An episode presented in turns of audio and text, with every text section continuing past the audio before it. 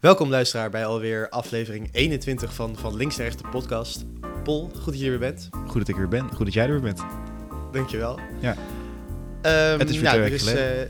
twee, weken, twee weken geleden precies. Dus er is vast een, eh, een hele hoop gebeurd eh, in onze, in onze diverse levens. In onze, verschillende levens. Grote, bewegende levens. Ja, precies. Precies, ja. Pol, kun, je misschien vertellen wat er eh, twee weken lang in Parijs gebeurd is? Nou, in Parijs is heel veel gebeurd. Ik, ik vertelde net gisteren aan je dat, eh, of ik vertelde net aan je dat er gisteren, nou, qua politieke dingen is heel veel gebeurd. Toen de presidentsverkiezingen zijn eh, in volle gang. Ja. Het wordt weer Macron tegen Le Pen. En als, daardoor zijn er dus gisteren hele linkse studenten bij de Sciences Po volgens mij. Die hebben de hele zaak daar geblokkeerd. Waardoor weer hele rechtse studenten, extreemrechtse studenten, die hebben hun barricades aangevallen. En die universiteit was de hele dag dicht. Dus eh, dat, was, dat was allemaal spannend. Dus op het politieke spectrum is er veel gebeurd. Maar eh, ik vind het, ik vind, het wel, vind het wel leuk allemaal, ja. Nice. En, en in mijn En op, persoonlijke leven Ja. is er ook wel... Nou ja, gewoon het, het standaard gangbare is er weer gebeurd. Ik heb me ingeschreven voor de marathon van Parijs van volgend jaar.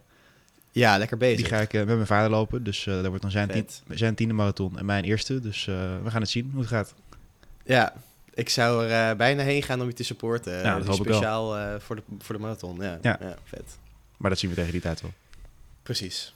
Hoe is het bij jou?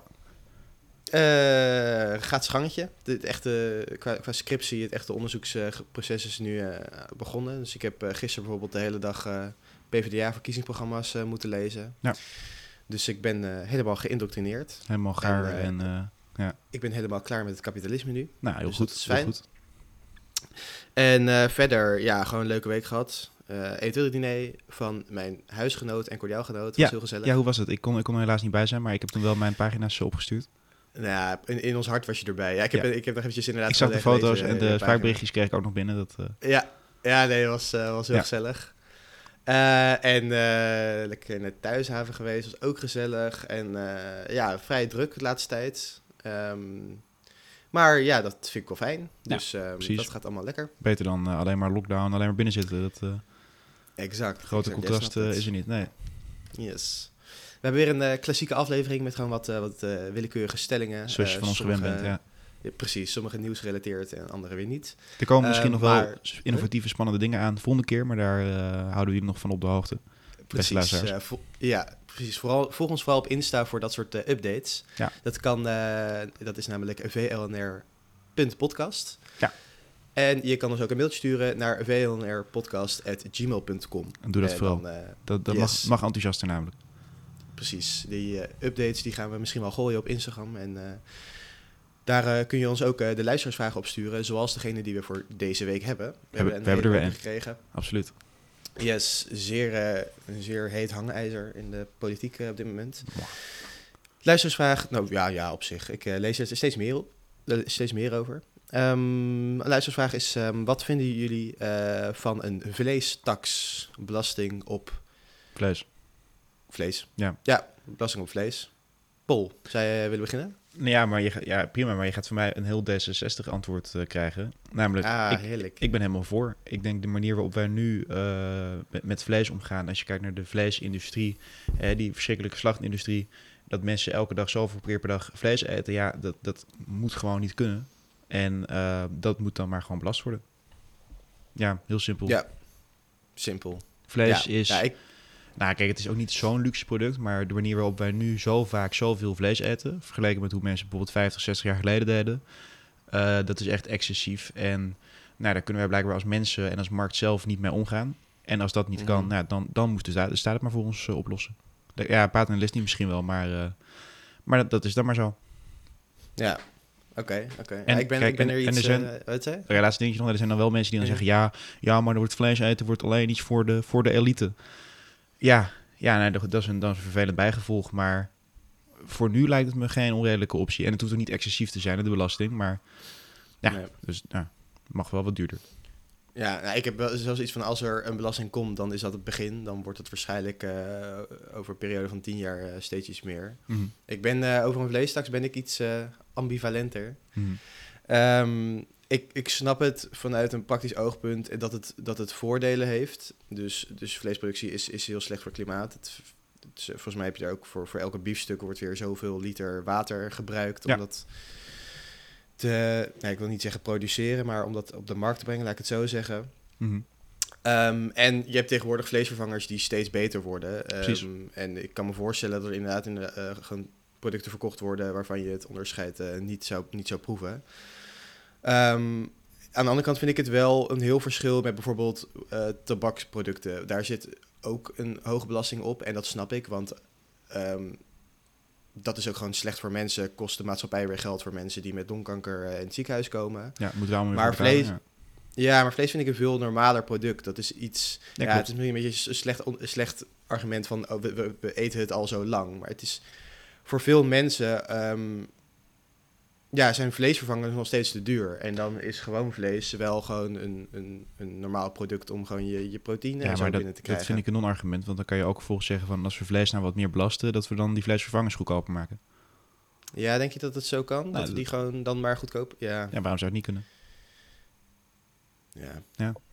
Ja, waarom zou het niet kunnen? Dat is een goede vraag in de politiek. Waarom zou het niet kunnen? Ja, dat is, hoe, Ja, je- dat is hoe ik mijn partij ga oprichten. Ja, waarom zou het niet kunnen? Ja.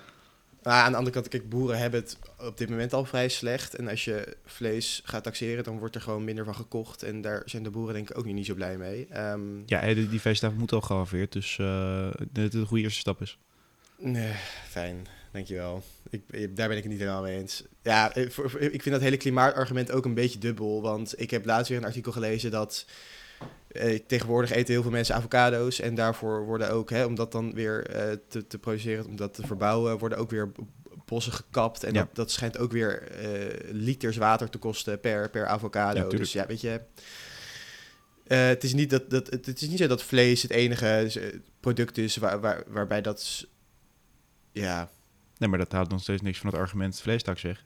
Nu zeg je alleen maar het gebeurt ook bij andere producten. Ja, dat is ook kwalijk. Precies, ja. En ik vind het dan op dit moment nogal cru om de boeren erop te pakken. Maar ja, ik, ik snap, ik snap Nou ja, de praktische je, je kan, voordelen. Je kan de boeren ook compenseren of op een andere manier tegemoet komen.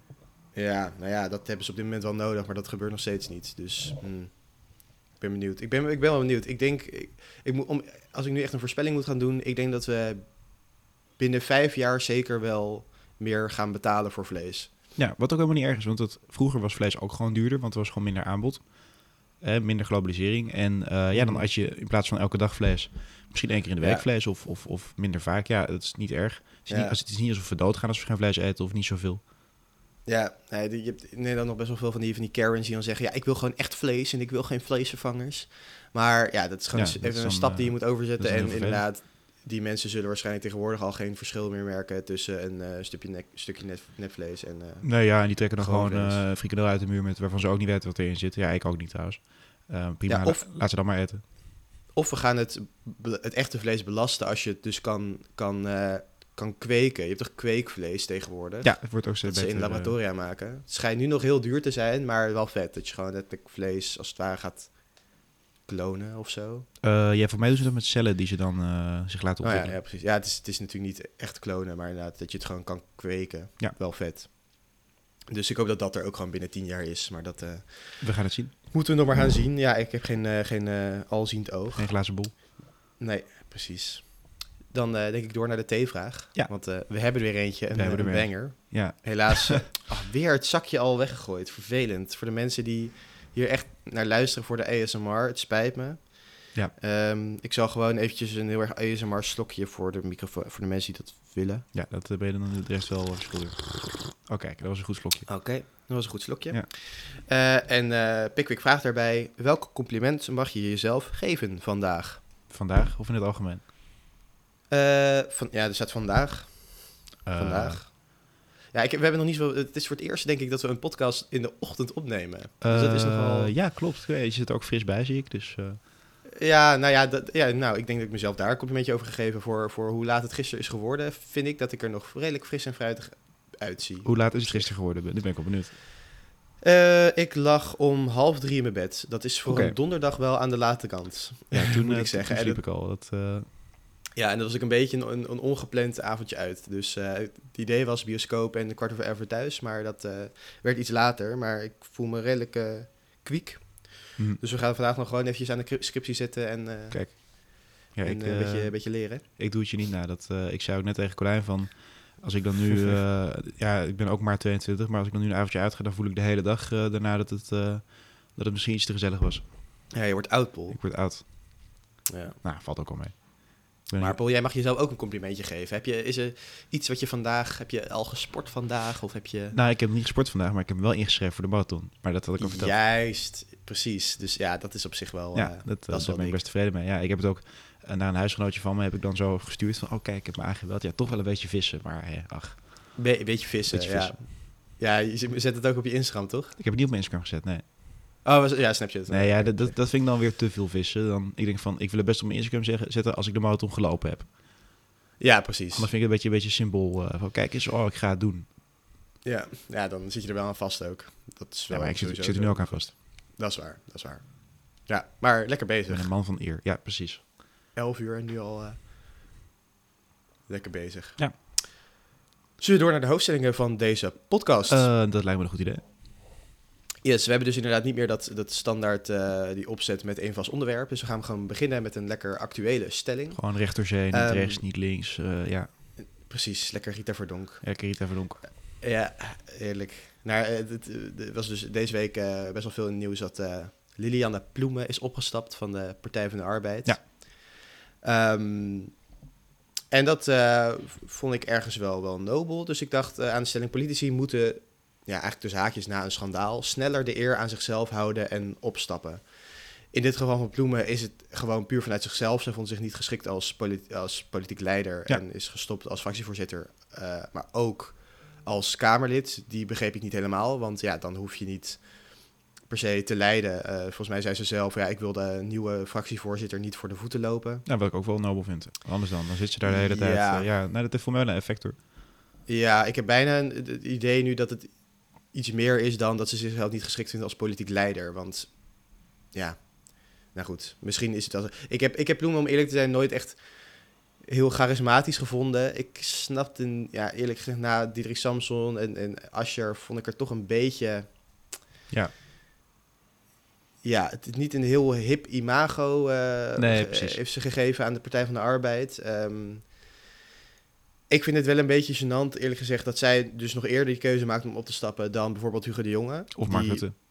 Ja, nou ja, inderdaad, die ronduit eh, leugens hebben rondgestrooid en dergelijke. En die Ja. Hugo de Jonge die nog steeds eh, uitkraamt van... oh, ik ben wel verbaasd dat mensen aan mijn integriteit twijfelen. Ik verbaas me dat hij dat uit zijn mond krijgt. Maar ehm, ja, hij blijft aan. eh, dat vind ik jammer. Maar ehm, ik, vind het, ik vind het inderdaad wel op zich... Het, het is wel ballen van Ploemen dat ze gewoon zegt... ja, hm, misschien ben ik er niet geschikt voor. Dus eh, ja, het is gewoon goed voor de Partij van de Arbeid... als iemand Ja. anders het overneemt. Zeg maar, ze houdt nu de eer aan zichzelf. Iedereen die, nou ja, ik denk niet iedereen, maar een groot deel van de mensen die, die complimenteert er ermee. Het is goed voor de Mhm. partij. Eh, er kan nu nieuw, eh, nieuw bloed. eh, kan er, ik heb artikel gelezen laatst over de mogelijke kandidaten die er gaan opvolgen. Nou, het zijn allemaal relatief jonge mensen. Mhm. Dus, dus prima. Ja, en als zij dan nu verder. Het is ook niet dat je, de, dat, dat je leven alleen maar goed is als je alleen maar aan de macht blijft. Of, of in het plusje. Ja, zij kan nu weer leuke andere dingen Nee. gaan doen. En het is eigenlijk ook wel slim, want stel er wordt ooit nog een, ik zeg maar wat, een boek geschreven over haar politieke carrière, dan eindigt het niet met een schandaal. Nee. Wat ik tegenwoordig echt met de helft van de politici zo'n beetje gebeurt. Die ze stoppen altijd wel omdat er iets slechts is gebeurd. Ja, precies. Zij zijn gewoon, nee, ik, ik draag het stokje over en eh, Ja, het is, ook niet, het is ook niet alsof ze heel jong was. Hè. Het is gewoon, wat ze is, 58, 60 of zo. Iets in die richting. Klopt. Dat is ja. een redelijke leeftijd.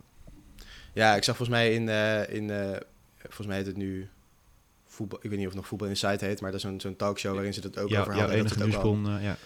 Dat is mijn enige nieuwsbron, dat is Johan Derksen, precies. Eh, en die, nou ja, die was nooit zo'n fan van Bloemen, maar die had hier ook wel respect voor. En die zeggen gewoon dat ja, ze heeft gewoon een hele vervelende stem en ze heeft Nou. totaal geen charisma. Maar Had hij ook niet hoeven zeggen, Nou, maar oké. nee, precies, vond ik ook een beetje onnodig.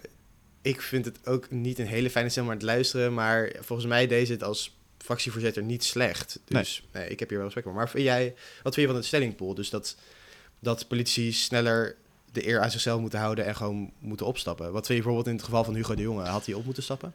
Ja, maar het is natuurlijk moeilijk om nu een hele algemene regel te, te, te, te, te stellen. Want per politicus, per context is het natuurlijk anders. Ja, dat is Ehm, waar.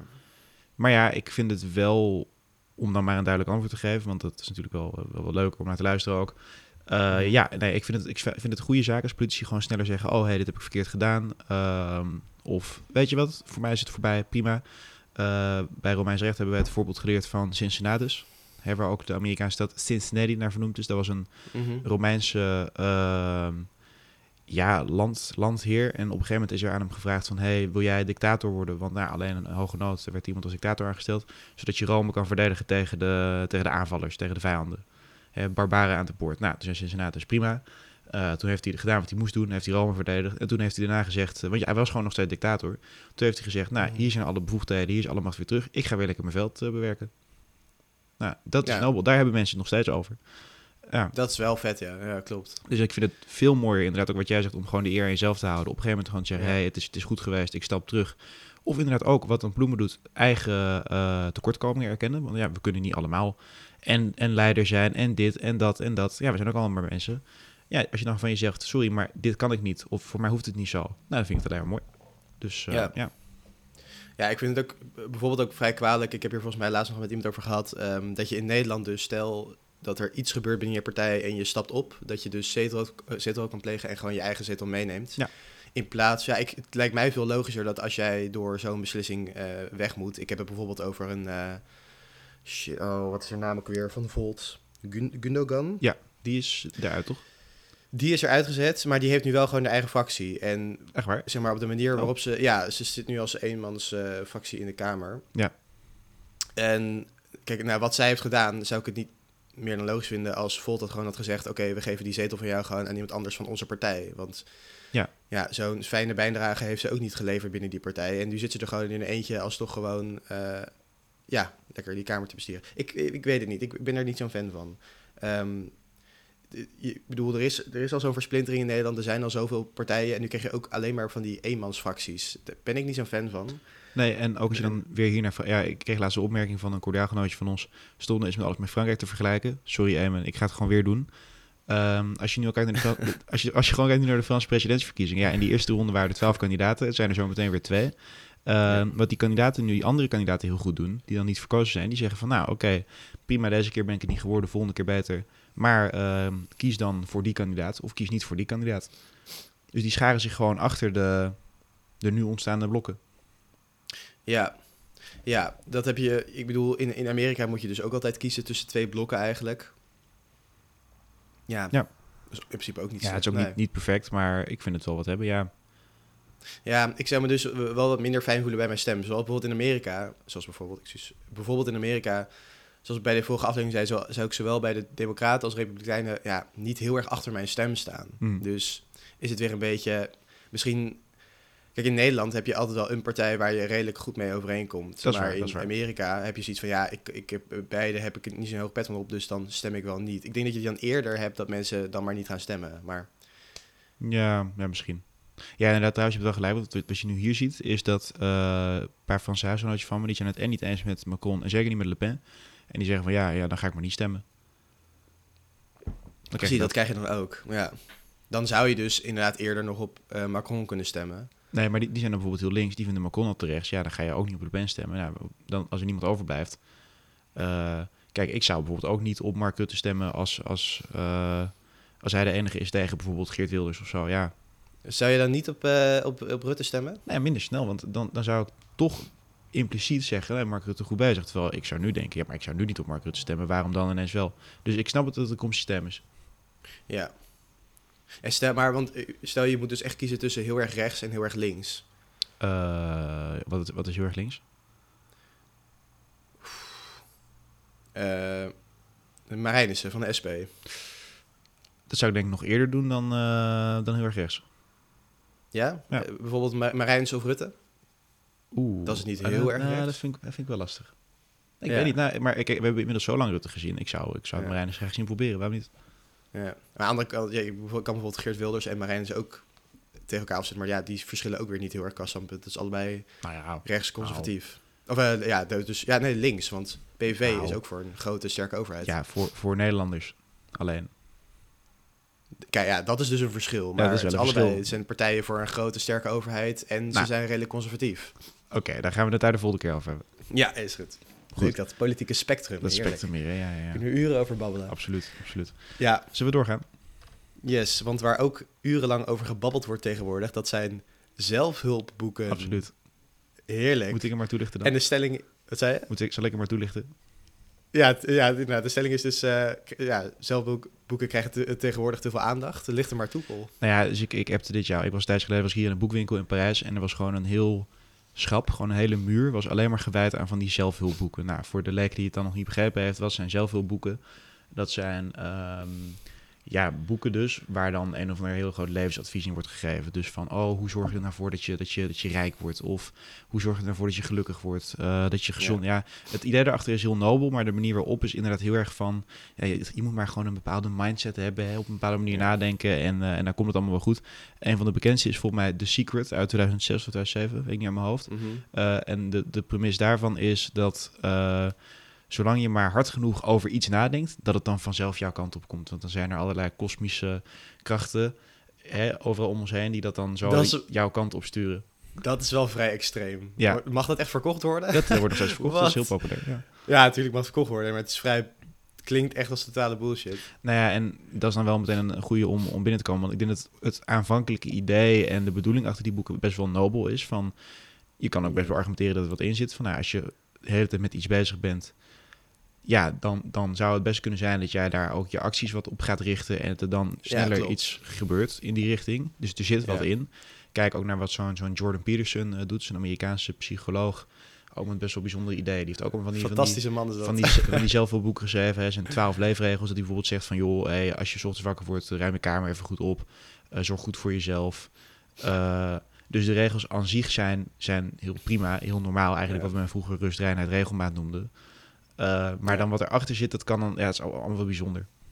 Oh, Ja, oké, zo- maar dus terugkomen op de bestelling. Krijgen ze te veel aandacht? Nee, nee. ja, ik vind ook niet dat ze te veel aandacht krijgen. Maar ik vond het leuk om het erover te hebben. Ja, Als ja, nou, nu ik erover nadenk, er is een soort van re- regeltje, dat staat volgens mij ook in heel veel zelfhulpboeken, eh, dat, dat ik ook altijd doe. Dus dat is, ja, dan? ook, niet iets heel groots. Nee, ja, tandenpoetsen is goed voor mij. Hè? Ja. Nee.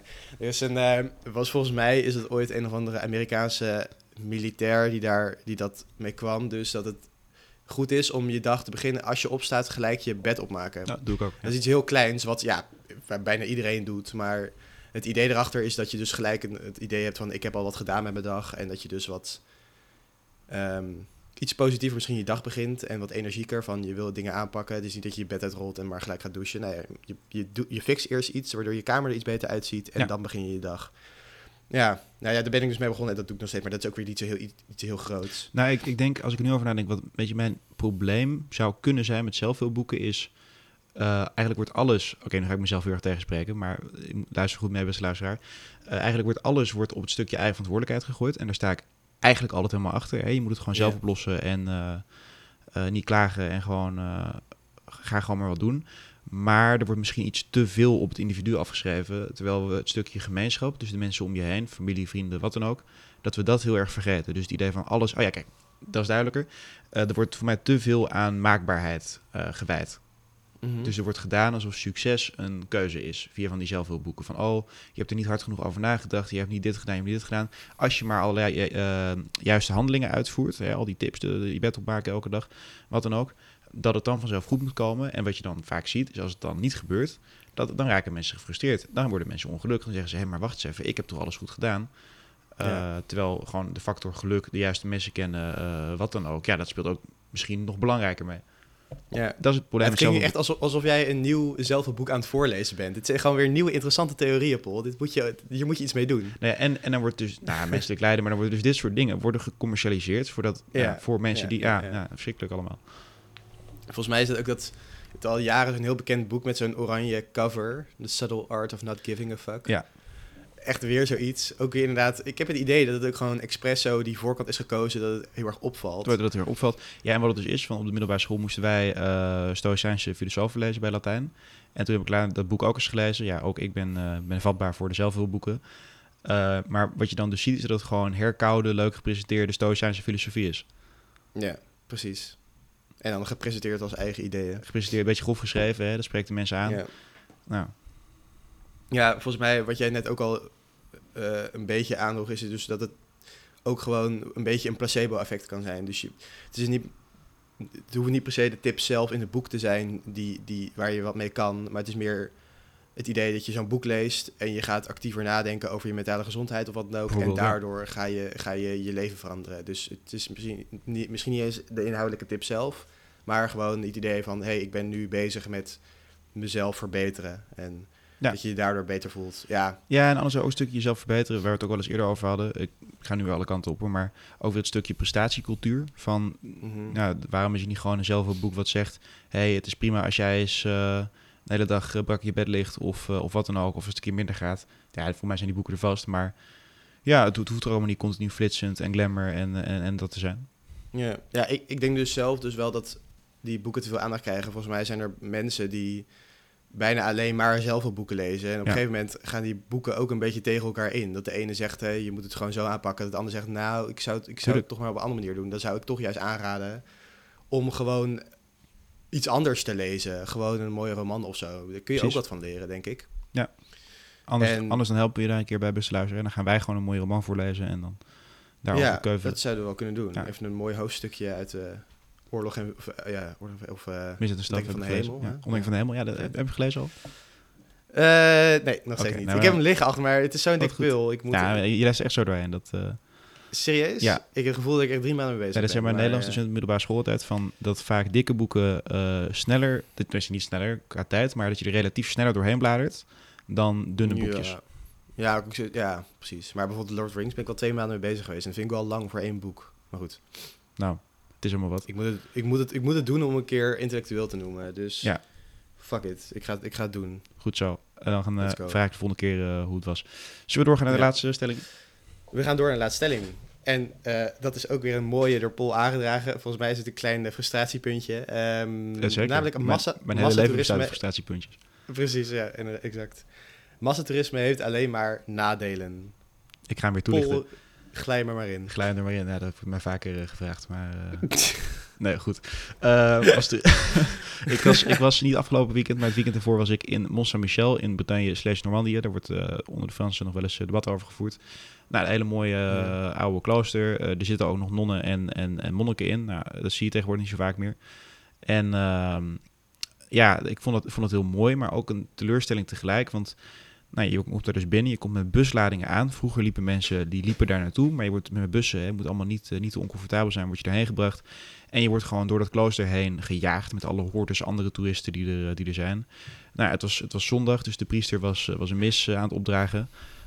Nou, best wel mooi dat je daar dan bij mag zijn, zou ik denken. En er staan er gewoon allemaal mensen, staan het gewoon te filmen en er doorheen te praten. En ja, nou, dat, dat kan ik best wel denken van, dat vind ik gewoon respectloos. Kijk, of het nou een imam is of een, eh, een rabbi of eh, dat soort figuren. Ja, dat doe je gewoon niet.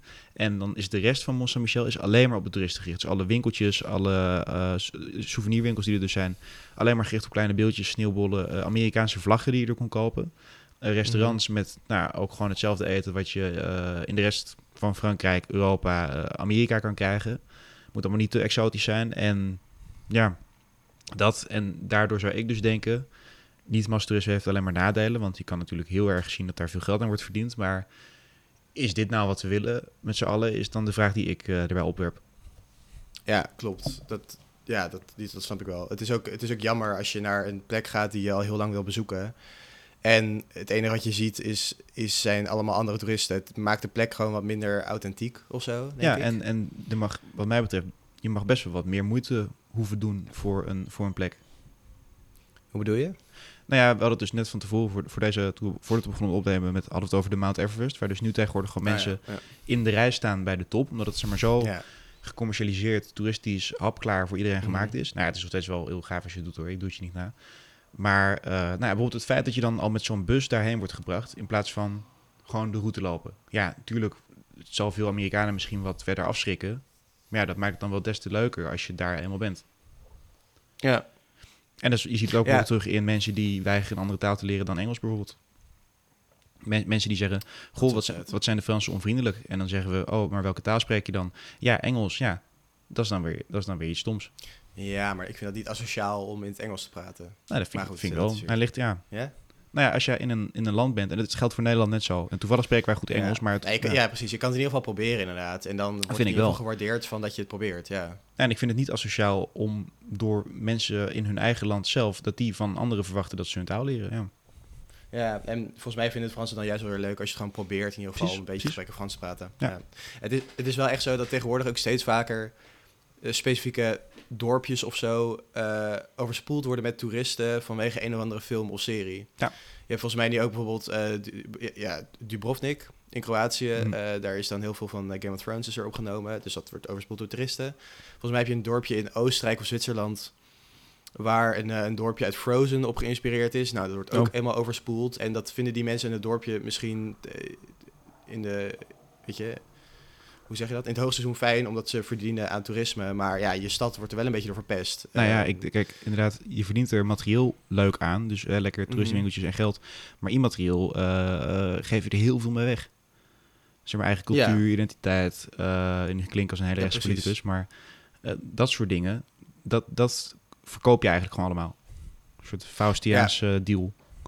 Ja, ik las volgens mij nu ook weer dat ehm eh, Delfts Blauw is nu beschermd, een beschermd product. Net zoals bijvoorbeeld Parmaham. Ja. Als in Delfts Blauw is door, misschien ook wel door toerisme een, een, een wereldwijd bekend product geworden. En dan krijg je alleen maar namaken en dergelijke. Dus het is wel weer goed dat dat soort dingen dan nu extra beschermd worden. Ja. Het, het gebeurt trouwens over die steden en zo. Het gebeurt zelfs met hele specifieke plekken. Je hebt in de, in de wijk eh, de Bronx in New York... heb je nu één specifieke trap... die Ja. bekend was uit zo'n scène uit Joker... Oh, waar die vanaf Nou ja, die eh, danst. Ja. Ja, waar je dan van, eh, helemaal zit te dansen. Vette scène wel, maar mensen die, zeg maar... Dat is gewoon een hele hoge trap tussen twee appartementencomplexen. Nou, de mensen die daaraan wonen, aan die, aan, dat, aan die trapkant, zeg maar... die worden helemaal gek door allemaal toeristen die de hele tijd door erheen lopen. Ja. Ja, en het, het nadeel ook weer is bijvoorbeeld Airbnb... Ja. Ik gebruik het zelf eigenlijk nooit, maar in Amsterdam heeft het echt tot vervelende situaties geleid. Dus stel je zit... Je hebt een eh, gedeelde woning, dus je, je, hebt een eigen kamer, maar je deelt je badkamer bijvoorbeeld met een aantal mensen. Mhm. Nou, en die, aan, die mensen die verhuren een groot deel van het, van het, ja- van het, van het jaar hun kamer aan eh, toeristen. Dan woon je dus eigenlijk het hele jaar alleen maar samen met toeristen. En Ja. daar is echt veel gezeik van gekomen. En dat kan ik me wel voorstellen dat dat best wel naar is. Ja, volgens mij moet, ik weet niet of die regels er al zijn, maar het lijkt me niet gek als er regels zijn over hoe vaak, hoe, ja, Ja, hoeveel dagen per jaar je huis mag eh, verhuren aan toeristen. meer en meer komen die regels er en dat, dat is heel goed. Ja. Ja, daar Ja, ben ik het ook wel mee Dus eens. dat, ja. eh, dus om Ja. te zeggen, masstoerisme heeft alleen maar nadelen. Nee, en als mensen dan vragen wat is dan de oplossing, want ja, toerisme verbieden, dat gaan we ook niet doen. En het is ook gewoon leuk dat je ergens op vakantie kan. Maar zoals het nu zo massaal gebeurt, nou, je kan bijvoorbeeld kijken naar de eerste lockdowns, eh, coronatijd. Mhm. Dat eh, Amsterdam bijvoorbeeld helemaal leeg was, of hier in Parijs heb ik ook goede dingen over gehoord. Ja, ja. dat is ook wel iets wat we nu zouden kunnen overwegen. Van, goh, het kan dus anders. Door bijvoorbeeld quota of eh, ja. toch wat hogere eisen aan de toerist stellen. Ja, waarom niet? Klopt. Ja, ik denk dat het enige voordeel echt is, is dat er in sommige steden gewoon een hele industrie voor, voor, eh, voor gewoon winkeltjes en restaurantjes en dat je daarvan profiteert van, van, van massatoerisme. Ja. Ja. Mooi. We gaan er, eh, het kut. We gaan erover nadenken, ja. Denk er vooral ook zelf over na, luisteraar. Hè? Wij, wij sporen het debat dan weer, weer extra aan. ja. Ik ga Precies. blijkbaar mijn politieke partij oprichten met, ik weet even niet meer welke slogan het ook alweer was. Wa- waarom, waarom doen we het niet gewoon of zo? Nou, dat zien we wel weer. Toerisme is kut. Punt. Stem Pol. Stempel. Stempel. Ik zou op je stemmen, Pol. Pol, ethiek. Pol IT. Oké, laat ethiek. maar. Hey, En met deze slechte grap gaan we de aflevering denk ik afsluiten. jij heb je er genoeg van? Ik heb er echt, ik ben er helemaal klaar Helemaal mee. klaar Ik, eh, een half uur pol en eh, het is al mooi geweest voor Het is deze wel mooi geweest. Eh, Ik kan er weer twee weken eh, zonder. Ja. Precies. Ehm, bedankt voor het luisteren. Ja. Ik vond het een leuke aflevering. Drie Ik- stellingen, maar toch gewoon weer een volle drie- 34 minuten. Vol gelul, ja.